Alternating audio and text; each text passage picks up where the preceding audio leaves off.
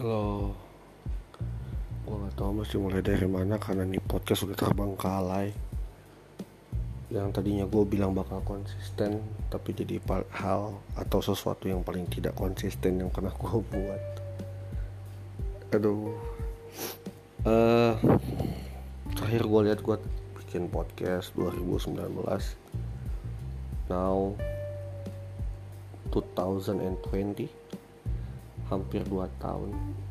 Dan god damn we've been a lot through hard things.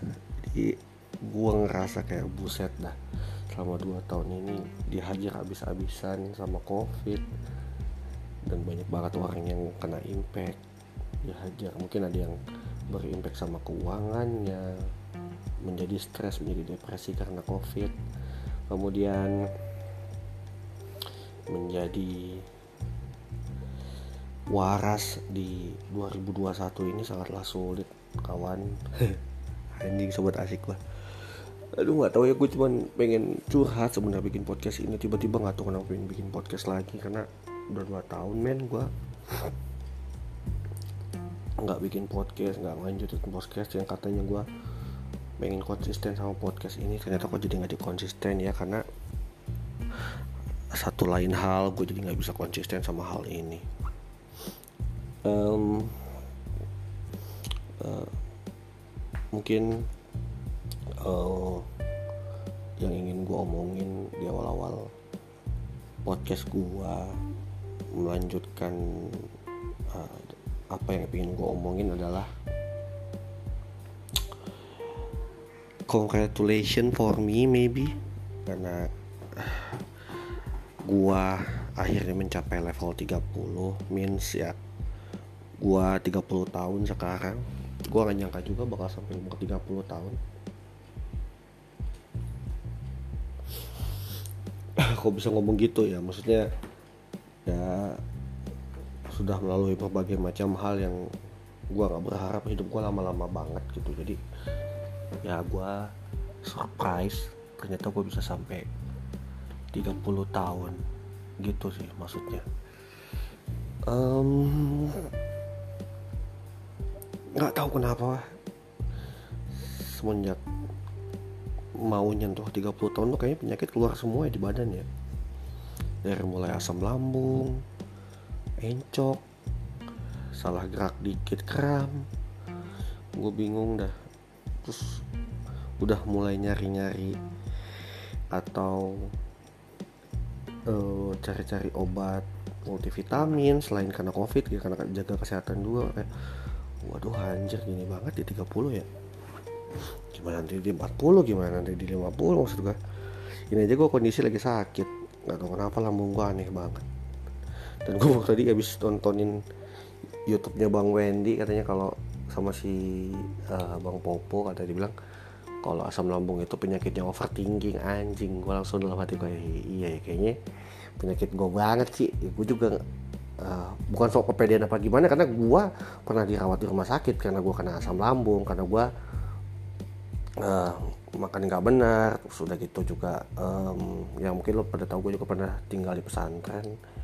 Jadi um, sempat susah makan jarang makan makannya seenak jidat jadi kena lambung terus di SMA dirawat gara-gara asam lambung naik infeksi di lambung kayak sariawan apa dibilang ya gitu kayak flek-flek di lambung gitu dan gua tau kenapa kemarin gua habis makan topoki terus anjing panas banget perut gua dan langsung perih dan hela out of nowhere gitu loh. Anjing langsung ujuk-ujuk aja gitu gue nggak tahu.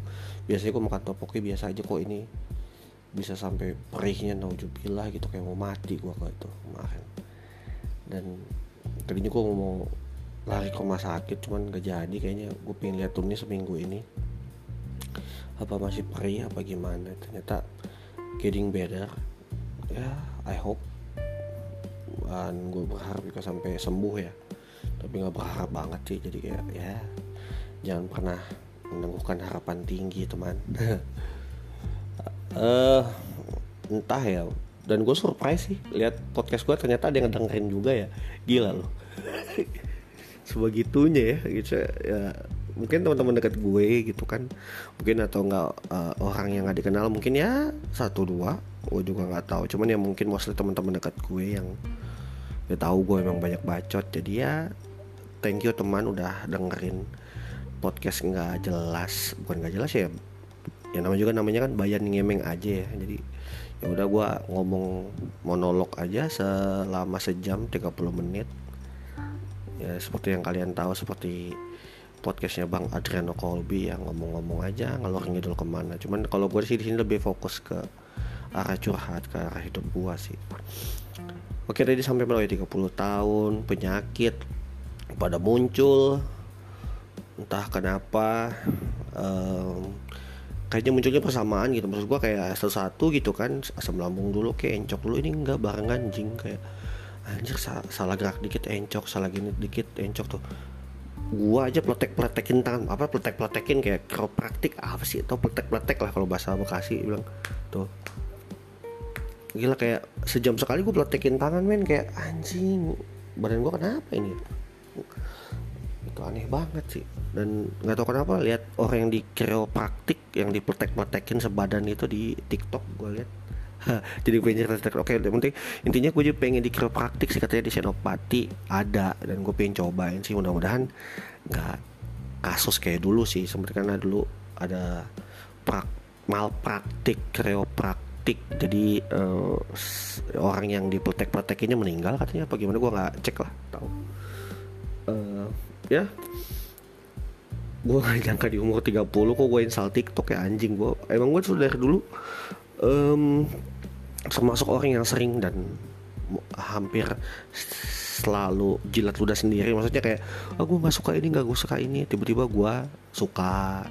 Aku oh, nggak suka ini. Kayak dulu gue inget banget waktu kuliah uh, sahabat gue si Bastian kenalin gue ke K-pop kayak anjing gue basic gue metal loh. Gue dari SMA dengerin lagu emo terus masuk ke metal masuk ke metalcore hardcore greencore terus thrash metal. Ah udah metal metal subgenrenya gue jalanin. Gue punya tiga band satu metal satu emo satu hardcore.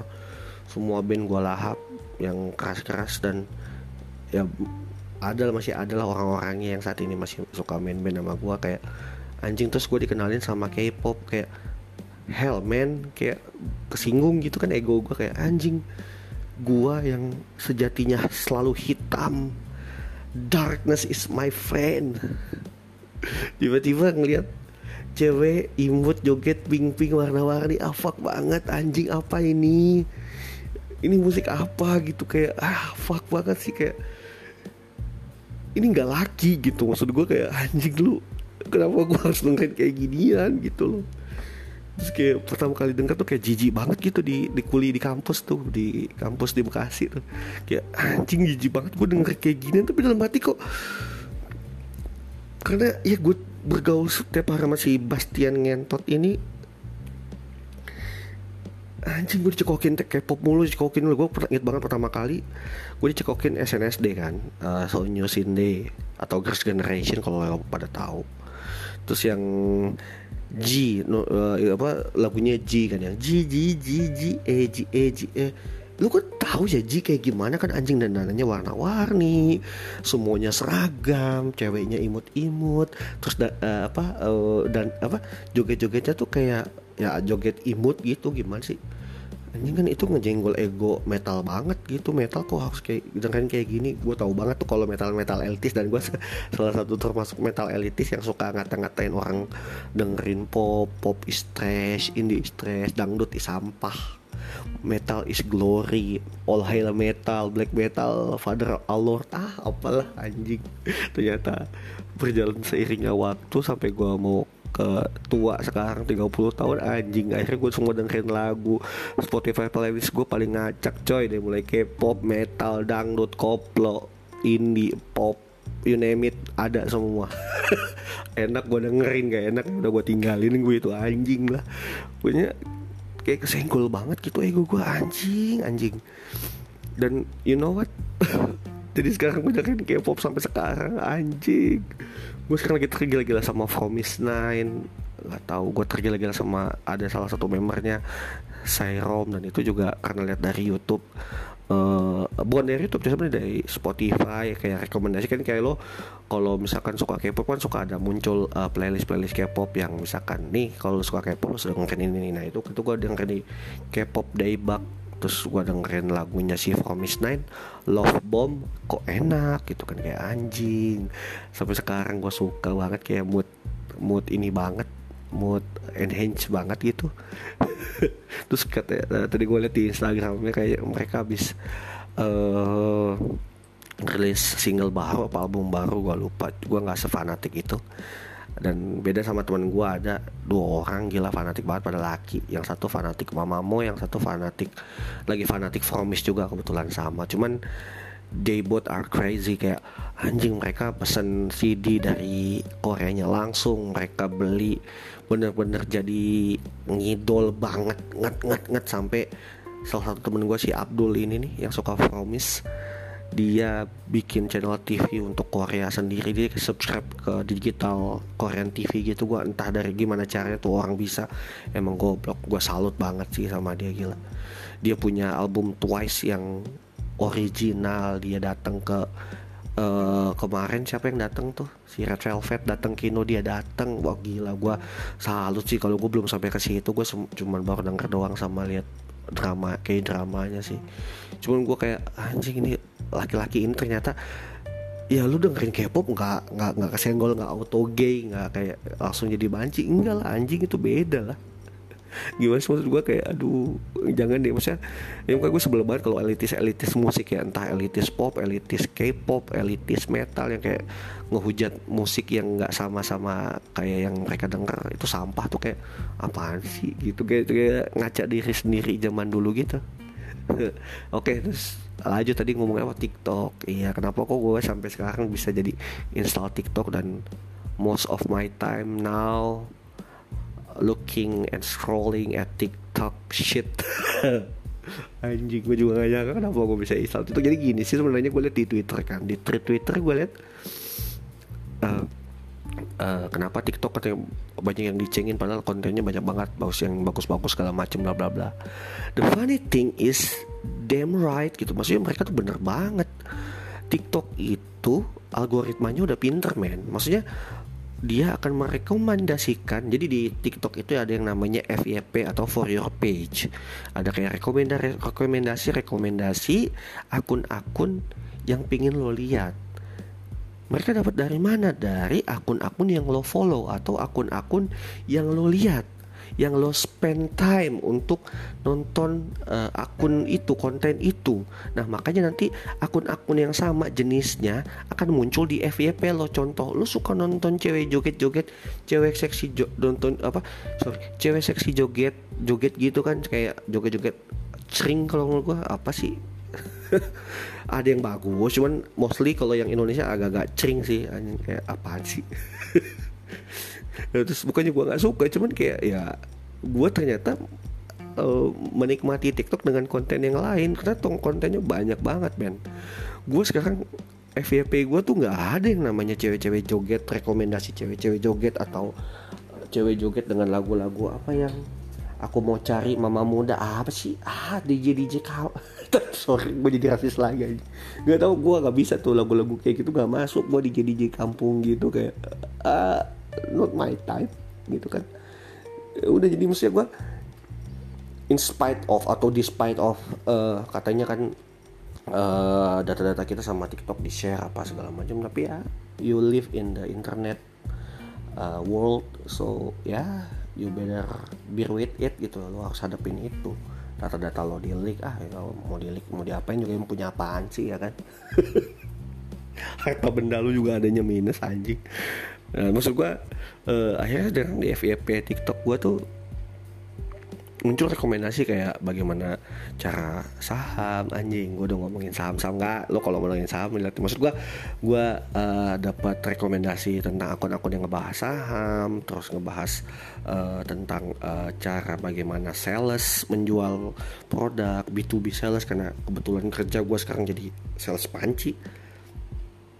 Terus kemudian juga uh, jokes jokes kayak uh, Family Guy, The Simpsons, terus ada orang yang bikin jokes-jokes di uh, mostly uh, out of Indonesia, maksudnya kayak di luar Indonesia orang-orang Amerika atau orang Eropa yang bikin konten masuk ke FYP gue karena emang gue lebih cenderung suka komedi-komedi yang seperti itu. Karena mungkin algoritmanya baca juga gue suka love atau uh, uh, nge video-video yang seperti itu. Cuman pada akhirnya ada juga rekomendasi yang gue nggak sangka-sangka karena gue mungkin suka komedi akhirnya ada di FYP gue muncul lapor pak dan gue baru tahu lapor pak itu dari TikTok dan itu lucu banget bangsat.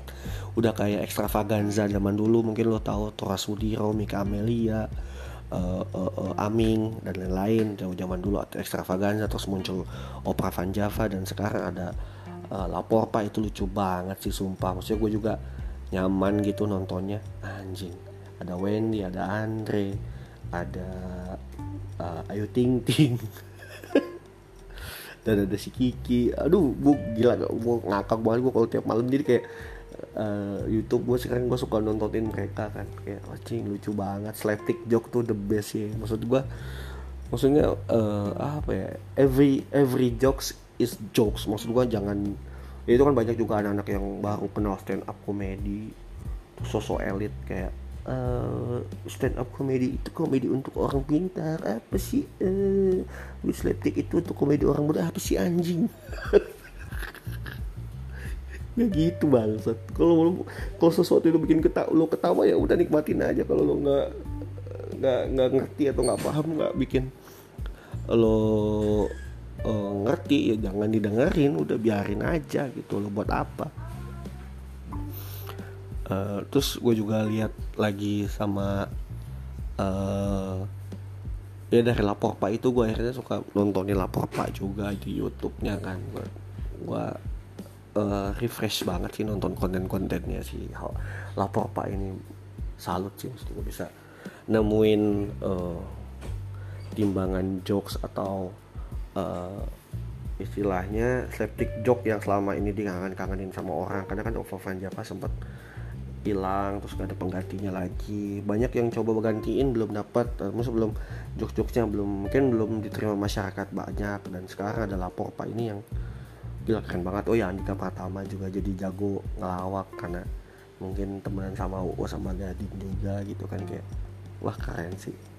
Nah maksud gue gimana ya? Jadi uh, gue akhirnya sadar semakin dewasa semakin maksudnya gue ya gue semakin dewasa semakin menjadi om-om penggerutu tau gak sih lo? Kayak uh, om-om yang selalu ngomenin orang-orang gitu. Terus ujung-ujungnya gue ikut situ.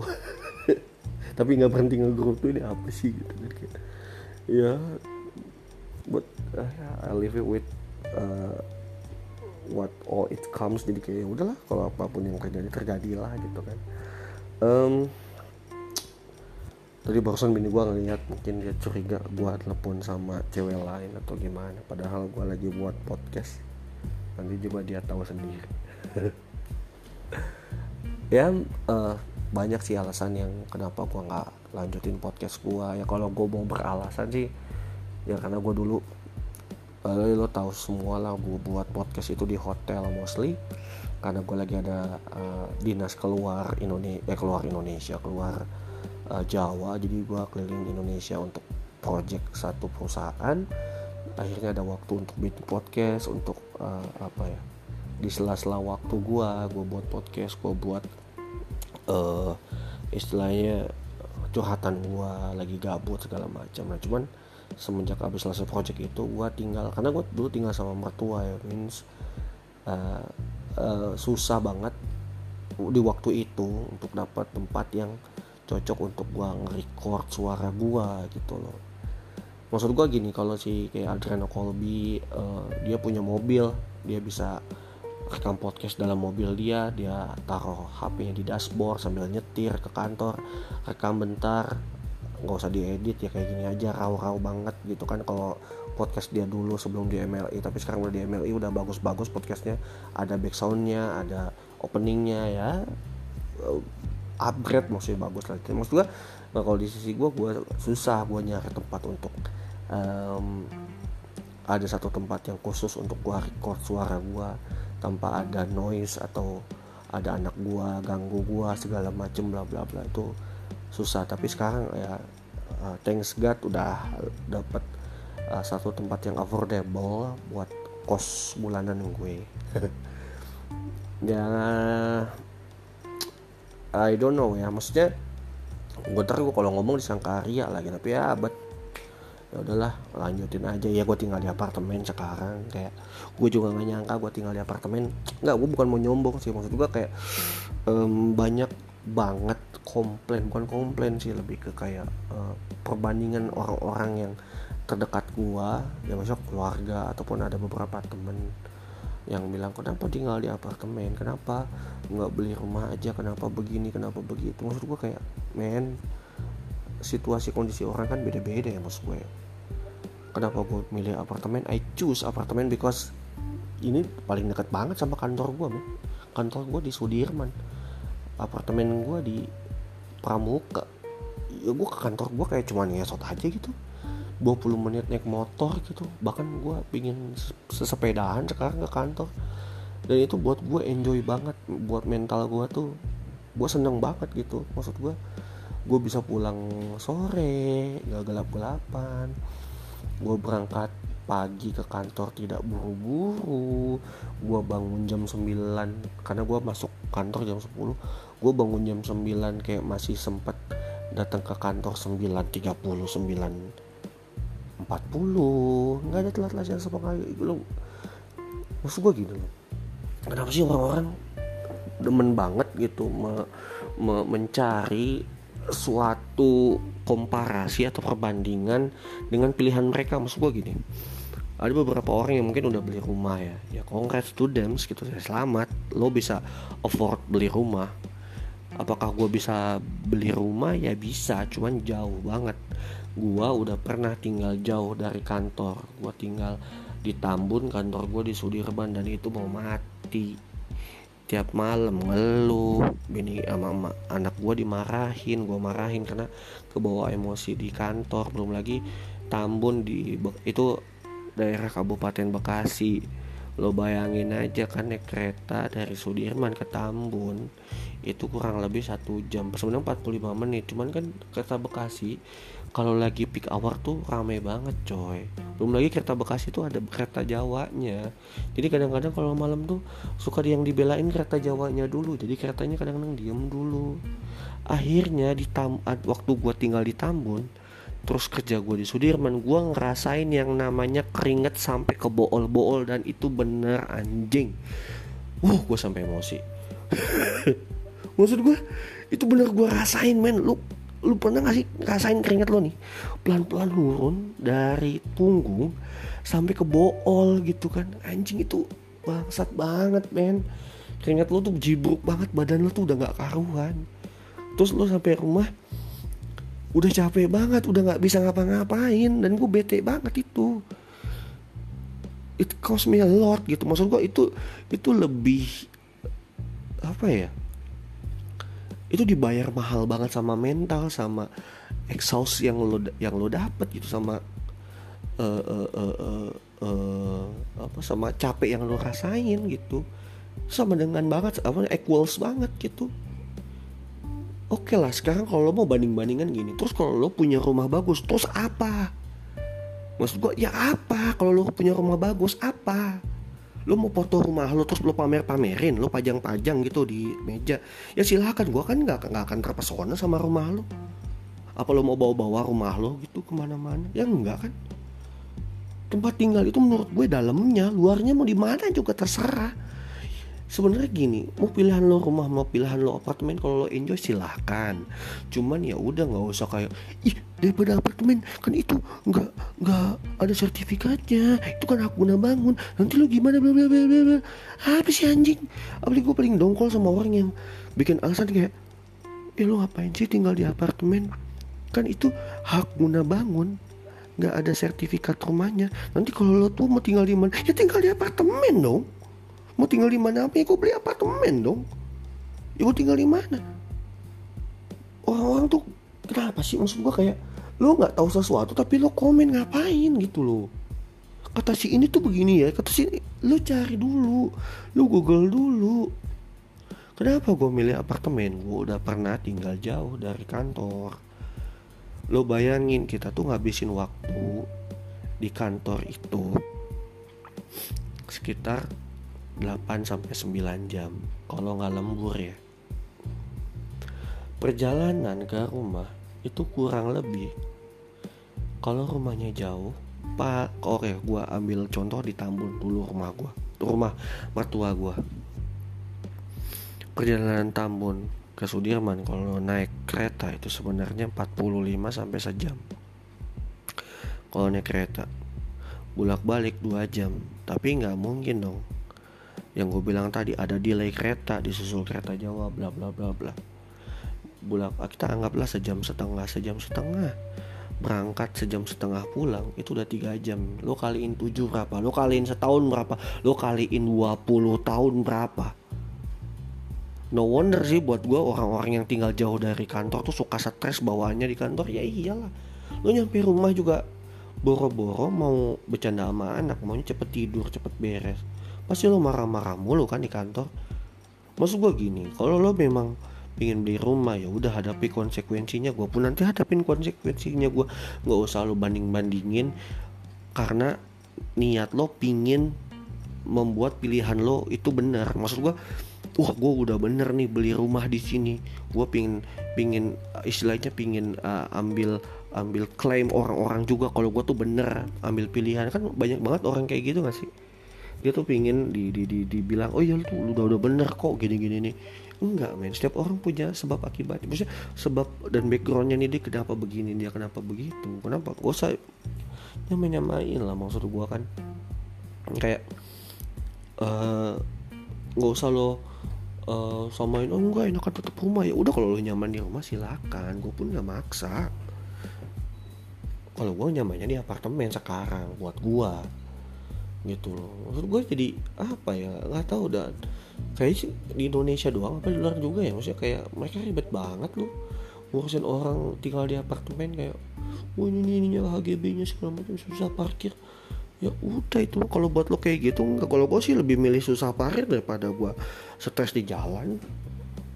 Kalau milih lama di jalan ya udah lo enjoy aja lo gak usah ngeluh tiap hari. Aduh Jakarta macet banget. Emang bakal macet Jakarta mau gue bagaimanapun. Mau sampai 2030 mau sampai 2050 Jakarta bakal terus macet. Gitu loh maksud maksud gue ya udah enjoy aja sama pilihan hidup lo. Lo pasti kena macet lo pasti kena delay. Lo jangan berharap aneh-aneh gitu loh. Udah lo udah punya udah naik umum gitu tapi masih kena macet ya udah makan aja gitu. Maksud gue juga usah gak usah lo lo gak usah lo oh, oh, oh, peluhin karena itu ada resiko lo gitu. Buat apa gitu ngeluh dan gue pun bakal terima kasih gue tinggal di apartemen kayak nanti susah untuk ini itu mungkin susah parkir. Kalau tadi dibilang nggak punya sertifikat punya hak guna bangun doang atau gimana ya gue udah siap dan I can prepare with it gitu. Gue udah prepare semuanya. Jadi ya udah nggak usah lo perbandingin sama uh, masalah lo gitu. Tiap orang beda-beda Uh, karena gini lah ini ini menurut gua ya bukan gak terserah nanti lo mau gua pun tetap ingin ngambil rumah pingin tetap karena kan ya uh, uh, uh, apa ya penilaiannya adalah gua harus punya rumah karena nanti ketika pensiun gua kan nggak mungkin uh, ngerental tiap hari atau bayar sewa tiap tahun atau sorry tiap tahun. Ya tiap tahun atau tiap bulannya. Ketika gue udah pensiun gue kan nggak nggak mungkin selamanya kerja. Nggak mungkin punya penghasilan bulanan. Makanya gue punya rumah buat rumah pensiun. Tapi ya gue sedang nabung untuk itu. Dan mungkin rumahnya nggak akan di Jabodetabek di luar Jabodetabek. Tadi Bandung bahkan di Surabaya gak ada I don't know maksudnya gue nggak tahu di mana. Ya lihat nanti gitu. Cuman pasti gue ada ke keinginan untuk itu. Cuman buat gue selama gue kerja di Sudirman gue lebih baik jadi kaum urban. Maksudnya ya gue tinggal di apartemen gitu loh. Gue tinggal di rumah bertingkat seperti ini dan gue nyaman seperti ini. Karena kos ke kantor bisa pakai sepeda gitu loh. Dan bisa sehat juga sepedahan tiap hari ke kantor. Uh, jadi ya itu yang yang banyak banget pertimbangannya sih uh, selain jarak terus gue bisa naik sepeda terus kemudian yang paling gue tekanin adalah I care about my mental health gitu gue gak mau ngerusak mental gue karena tinggal jauh dari kantor terus akhirnya anak bini gue gue marahin karena gue bete di jalan gue gak mau kayak gitu. Kalau misalnya kalian bisa terima uh, konsekuensinya ya udah go for it gitu loh. Kalau gue sih enggak tapi nggak tahu ya kalau misalkan ternyata di depan gue dapat rezeki lebih terus gue bisa afford untuk bawa mobil atau pakai supir ya. Tapi gue nggak mau gue tetap mau tinggal di apartemen ya udah. Kayak gitu. Sebenarnya sih alasannya ya gue bisa bikin atau gue bisa ngerekam suara gue lagi. Nggak tahu buat lo suara gue enak didengar apa nggak cuman gue bodo amat. Ini gue bikin cerita aja pengen kalau kesah aja. Terus kemudian kalau ngomong-ngomongin soal rumah gue jadi pengen ngomongin masalah developer-developer ini. Maksud gue gini developer-developer rumah tuh selalu menggaung-gaungkan ayo milenial beli rumah ayo milenial beli rumah. Sedangkan wages kita per bulannya itu nggak sebanding dengan rumah harga rumahnya. Maksud gue gini milenial mana yang bisa beli rumah 1 m coy rumah 1 m tuh gue udah hitung-hitung tuh kira-kira lu bayar cicilan rumah itu sekitar 98 sampai 9 jutaan per bulan. Dan itu kalau 20 ya 20 apa 15 gue lupa pokoknya. Milenial mana anjir yang bisa bayar sebulan 8 juta kalau emak bapaknya nggak kaya? Kalau orang-orang kayak kita yang kacung kampret gini budak korporat dengan gaji pas-pasan mana bisa afford 8 juta sampai 9 juta per bulan untuk bayar cicilan ya mau nggak mau pasti kan daerah-daerah agak ujung kan penyanggah-penyanggahnya ibu kota kan maksud gue kayak di BSD sana dikit kayak Parung Panjang kalau yang di Tangerang Selatan tuh. Ada sempat gue kemarin tinggal di BSD di Parung Panjang ataupun di uh, tadi mana Cisauk atau di mana. Gue udah cek Parung Panjang gila jauh banget men asli dah. Itu penyanggahnya penyanggah ibu kota coy Tangerang kan penyanggah ibu kota. Nah Parung Panjang ini penyanggahnya Tangerang. Jauh. Capek gua enggak enggak gua ya Allah ampun. Gua mah ih. Gua aja ngebayanginnya merinding coy. Gua nggak kebayang itu pulak pergi ke rumahnya gimana. Cuman demi, demi rumah gitu maksud gua ya. Cuman kalau ada orang yang bikin maksudnya dia nggak bisa sewa apartemen dia harus mampunya sewa rumah. Bukan sewa rumah maksudnya mampu beli rumah di subsidi ya silahkan. Tapi ya gue doain mereka yang seperti itu dapat rezeki lebih untuk bisa afford yang lebih layak lagi maksudnya yang lebih dekat sama uh, uh, kerjaannya gitu. Maksud gue gue banyak banget cerita orang yang tinggal di kabupaten kabupaten Jabodetabek ya. Maksud gue sorry Bodetabek ya. Kabupaten Bogor, Kabupaten Tangerang, Kabupaten Bekasi itu banyak sampai yang katanya nginep di kantor sampai yang uh, buat ngirit ongkos dia harus tidur di mobil. Banyak banget coy ceritanya. Gue kayak aduh anjing gue nggak bisa kayak gitu kayaknya gitu maksud gue makanya gue selalu berdoa ya mereka supaya di, di, dimudahkan lah rezekinya. Karena gila mereka udah fighting banget buat cari rezeki buat cari tempat tinggal buat keluarganya gitu loh. Tapi gajinya segitu-gitu aja gitu. Maksud gue harusnya ada apa sih? Maksudnya ada sesuatu kebijakan yang bisa buat milenial beli rumah di sekitar pinggir Jakarta entah disubsidi jangan rumah subsidi maksud gue jangan jauh-jauh banget lah atau gimana atau yang enaknya gue nggak tahu lah yang mikirin itu pemerintah. Maksud gue ya, lu bayangin mana ada milenial yang bisa beli rumah di kota-kota besar. Udah nggak ada coy.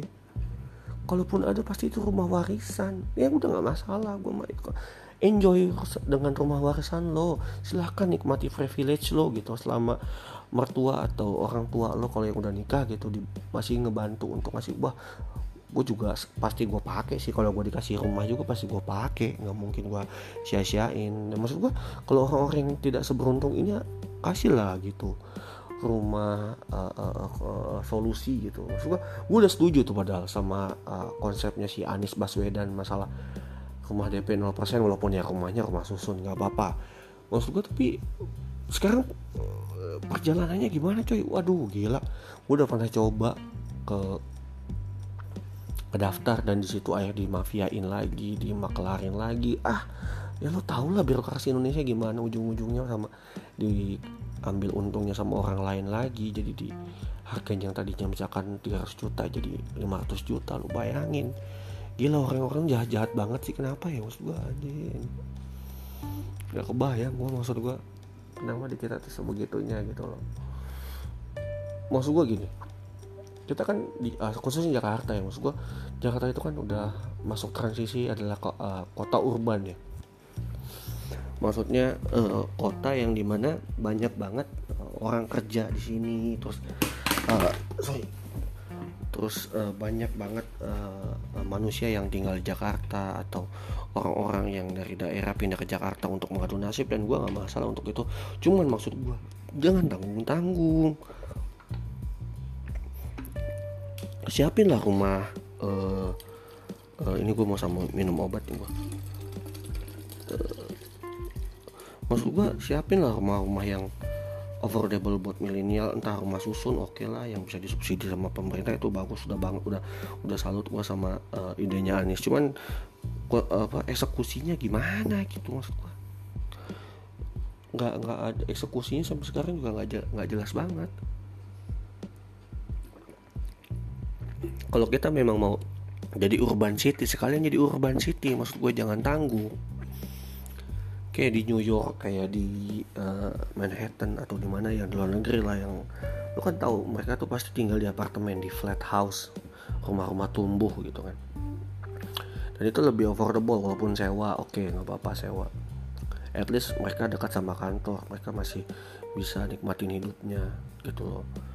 Uh, pokoknya gimana caranya lah biar full jadi kota urban maksud gua gitu loh kalau itu sih pendapat gue ya. Maksud gue kayak banyakin lagi lah ke apartemen-apartemen yang affordable untuk milenial kalau bisa. Dan tinggal di apartemen gak jelek-jelek amat komen.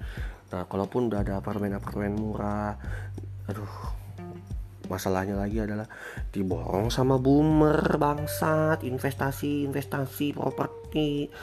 Maksud gue kalau mau investasi properti di tempat lain dong. Ya lu aduh ya sih maksud gue ya gue paham sih aduh goblok juga gue maksud ya sih emang emang investasi kan harus menguntungkan ya ya kan?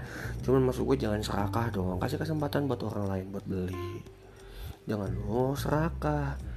Gitu jangan lo uh, istilahnya lo borong semua tuh apartemen murah. Baru jadi investasi dan kemarin gue sih baru dapat cerita kan karena kan lagi pandemi jadi banyak banget apartemen apartemen kosong ya. Karena uh, banyak orang yang hasilnya nggak mampu buat uh, sewa apartemen terus akhirnya mereka pindah lagi ke rumah orang tua atau rumah mertuanya ataupun pindah ke uh, kos-kosan pokoknya yang yang lebih murah daripada apartemen gitu. Dan pada akhirnya banyak apartemen terbengkalai mau gue uh, dilihat di unit-unit di samping-samping gua banyak banget surat-surat uh, himbauan ditempelin kayak mesti bayar IPL dan mereka tuh nggak tahu kalau apartemen tuh harus bayar IPL atau biaya maintenance gedungnya itu kayak buat uang sampah uang, uang uh, maintenance lift uang maintenance sapu lantai di depan di balkon segala macem atau kalau punya misalkan punya taman buat maintenance taman kayak gitu gitulah buat biaya manajemen segala macem. Mereka lupa mereka harus bayar gitu. Dan lo bayangin kalau misalkan mereka punya 10 apartemen berapa biaya IPL yang harus lo dia bayar sedangkan nggak ada yang sewa boncos boncos dah tuh ya kan? Makanya jadi orang tuh jangan serakah. Maksud gua kayak udahlah kalau kata bahasa Sunda apa begitu ya? Ada peribahasa Sunda pokoknya jangan ngerangkul dengan siku. Maksud gua jangan lo tau kan kayak orang serakah gitu ngambil semua makanan pakai tangan sampai dipeluk gitu. Maksud gua jangan sampai lo ngerangkul tapi pakai siku. Lo pingin niatnya pingin ngambil banyak malah dapetnya dikit itu yang bahaya. Makanya uh, bersyukurlah menurut gue gini bahagia itu adalah orang-orang yang dicukupkan sama Tuhan untuk merasa cukup. Maksud gue gini ketika uh, lo punya gaji UMR tapi lo ngerasa kecukupan lo pasti bahagia banget sih. Dan gue sudah ada di atau sudah percaya ada yang seperti itu banyak banget. Yang kayak gaji UMR tapi mereka enjoy enjoy aja. Jadi mereka nggak nggak ngeluh nggak pernah uh, uh, pengen ini pengen itu. Mereka how to live the life gitu. Maksudnya mereka tahu gimana cara jalanin hidup. Mereka tahu uh, tidak berserakah untuk kayak harus gini harus gitu harus gini. Nah gue juga seperti itu sih sekarang. Kayak gue bisa afford apartemen ya alhamdulillah. Kalau nanti gak bisa ya udah nggak masalah. Gue pernah ngontrak petakan juga ya udah gitu. Cuman untuk saat ini ya gue bisa afford apartemen ya udah gue afford apartemen gitu. Maksud gue um, apa yang merasa dicukupkan itu tuh termasuk berkah jadi kita tidak serakah sama apa yang ada di sekeliling kita. Kita ngerasa kayak yang bisa punya mobil LCGC ngerasa bersyukur punya mobil itu yang punya motor ngerasa bersyukur masih ada motor. Buat kerja motornya sehat mobilnya sehat bayar pajaknya segala macam. Itu kan termasuk rasa cukup ya kayak cukup banget nih ya udahlah segini. Memang pasti kita ya pada akhirnya gue sadar juga sih kayak uh, lagu nikah eh nikah Ardila siapa yang dunia ini penuh panggung sandiwara semuanya punya peran. Itu benar maksud gue kayak skupnya punya masing-masing. Pada akhirnya gue respect banget sama orang-orang. Misalnya contoh ada OB di kantor gue gue kayak ngebayangin anjir kalau kantor gue nggak nggak ada OB gimana itu ya sampah ya? Mungkin ngumpuk kali nggak ada orang yang mau buang sampah ke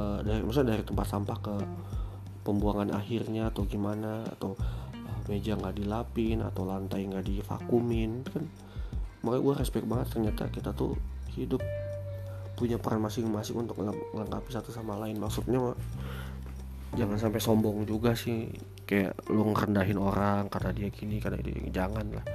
Kalaupun direndahin ya udah nggak usah balas makanya gue apa ya menurut gue doa paling kejam itu adalah bukan doa untuk menyakiti orang enggak.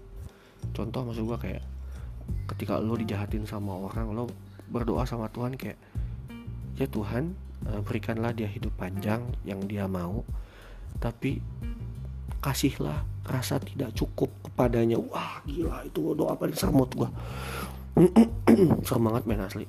Doa untuk uh, apa dibuat uh, merasa tidak cukup tuh ah anjir sih. Gila lo lo bayangin gak sih lo kayak lo nggak bisa uh, lo bakal kena karma karena diri lo sendiri. Maksudnya gini kayak misalkan lo punya rasa tidak cukup gitu lo akhirnya mati-matian gitu untuk mencari sesuatu yang lo pengen. Kayak ambil kata lalah mobil lo pengen banget beli mobil. Akhirnya lo kadang lo ngerasa nggak cukup sama motor yang udah lo punya. Padahal motor lo udah ada tiga di rumah atau segala macem. Akhirnya lo menghalalkan segala cara kayak korupsi kalau nipu orang segala macam demi buat beli mobil. Ternyata bener beli mobil. Tapi mobil lo masih sehat-sehat walafiat. Oh masih belum dicukupin tuh akhirnya lo. Pengen upgrade mobil yang lebih bagus lagi segala macam mengalahkan segala cara lagi. Pada akhirnya lo kena batunya sendiri. Lo bisa bayangin kak lo ada di posisi gimana? Ih gue nggak bisa bayangin dah. Nggak tahu gue kayak gitu kayak makanya maksud gue uh,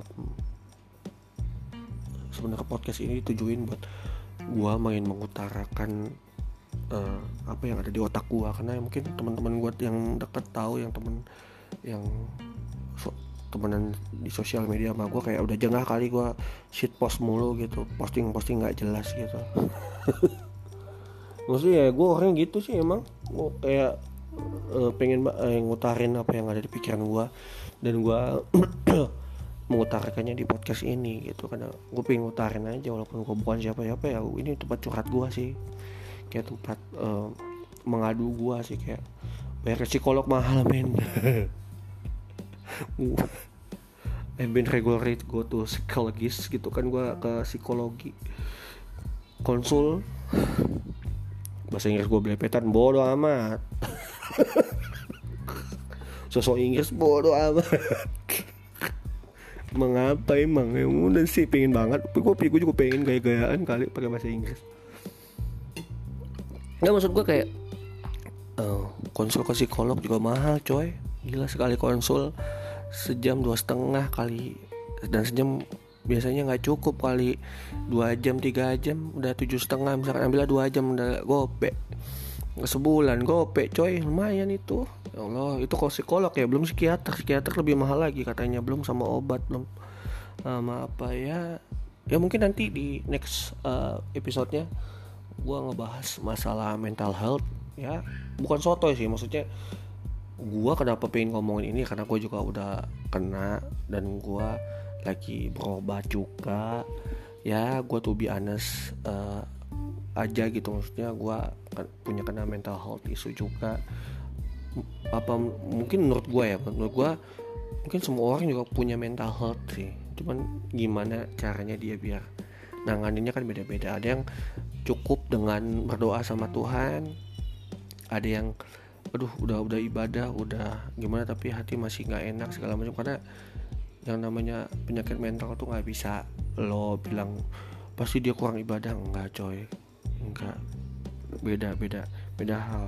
Gue sih nggak berharap ada orang yang ngomong kayak gitu di podcast gue ataupun di teman gue yang ngomong gitu. Itu pasti bukan jadi teman gue sih kalau kayak gitu. Gue udah jauhin sih jauh jauhin kayak gitu. Gak maksud gue kayak tiap orang beda-beda penanganannya. Kalau lo cukup dengan ibadah ya udah. Kalau ada yang perlu ke psikolog cukup ya udah. Ada yang ternyata ke psikolog nggak cukup ke psikiater ya udah ke psikiater. Mudah-mudahan gue doakan kalian semua sehat mental jasmani dan rohani sih. Maksud gue itu tuh penting banget sih akhirnya di hidup kita tuh. Nggak ada yang lain dan bukan selain sehat. Udah itu doang.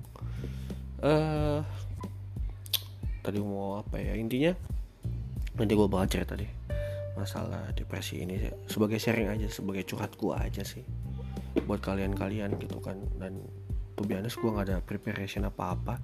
Ini gue langsung buka anchor gue langsung record gue langsung posting nggak ada editing nggak ada apa-apa. Apa yang ada di otak gue gue keluarin aja.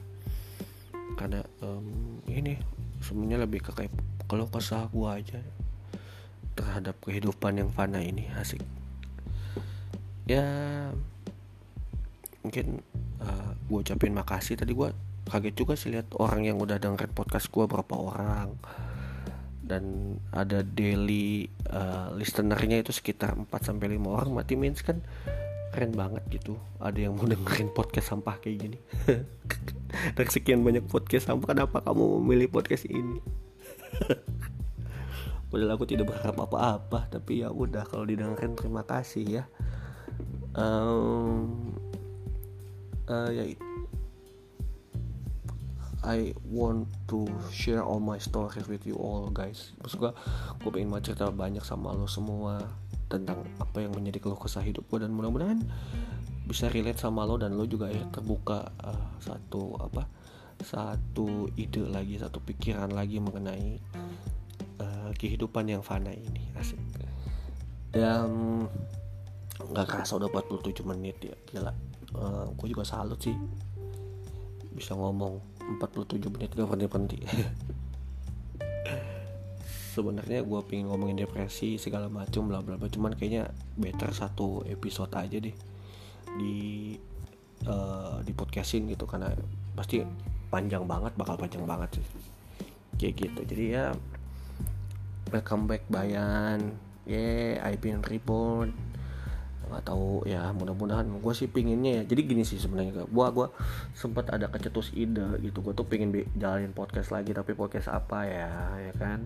Kalau podcast bacot-bacot gini kan menurut gue gini loh podcast bacot gini kan uh, udah banyak banget ya. Kayak ada ada makna talks ada apa ada gue hampir semua podcast tuh ngomongin tentang meaning of life atau segala macam bla bla bla. Gue pingin satu dan ini tetap gue lanjutin sih pastinya. Bayan ngemeng aja bakal gue lanjutin terus sih sampai yang mudah-mudahan sampai umur gue 40 tahun 50 tahun gue bakal terus ngomong di sini buat kalau kesah gue karena gak tau kenapa men semenjak berkeluarga punya anak punya istri dan makin tua makin banyak banget keluh kesahnya gitu kan. Dan maybe I will share my private things here.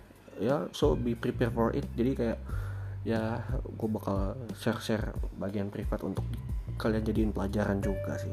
Siapa tahu kit uh, lo dapet irisan cerita dari apa yang gue share itu sebenarnya. Terus masalah podcast tadi gue pingin ada satu lagi podcast lagi podcast lain bukan yang ini. Podcast tentang ngebahas apa ya gitu. Menurut gue apa yang perlu gue bahas gitu loh. Apa yang beda podcastnya. Nah akhirnya gue kecetus ide sih. Yang mudah-mudahan bisa terrealisasi secepatnya karena gue udah ada tempat gue ada apartemen. Jadi mungkin nanti uh, di ruang tamu gue gue akan modif sedikit kayak agak-agak studio gitu. Karena uh, jadi uh, eh, gue udah ada ide sih podcastnya tapi gue belum bisa share di sini. Jadi intinya podcastnya ini adalah uh, kebetulan gini gue aktif di Quora dulu. Terus ada satu postingan Quora gue tentang orang nanya gini kenapa banyak orang yang menganggur padahal banyak sekali lowongan pekerjaan yang disubmit online maupun offline gitu kan. Itu banyak banget. Nah postingan gue itu sampai reach berapa ya? Gue lupa 59 ribu 100 ribu gue lupa segitulah. Pokoknya puluhan ribu antar puluhan ribu sampai 100 ribu. Gue lupa di share sama orang-orang. Nah itu memeludak banget. Jadi gue share apa?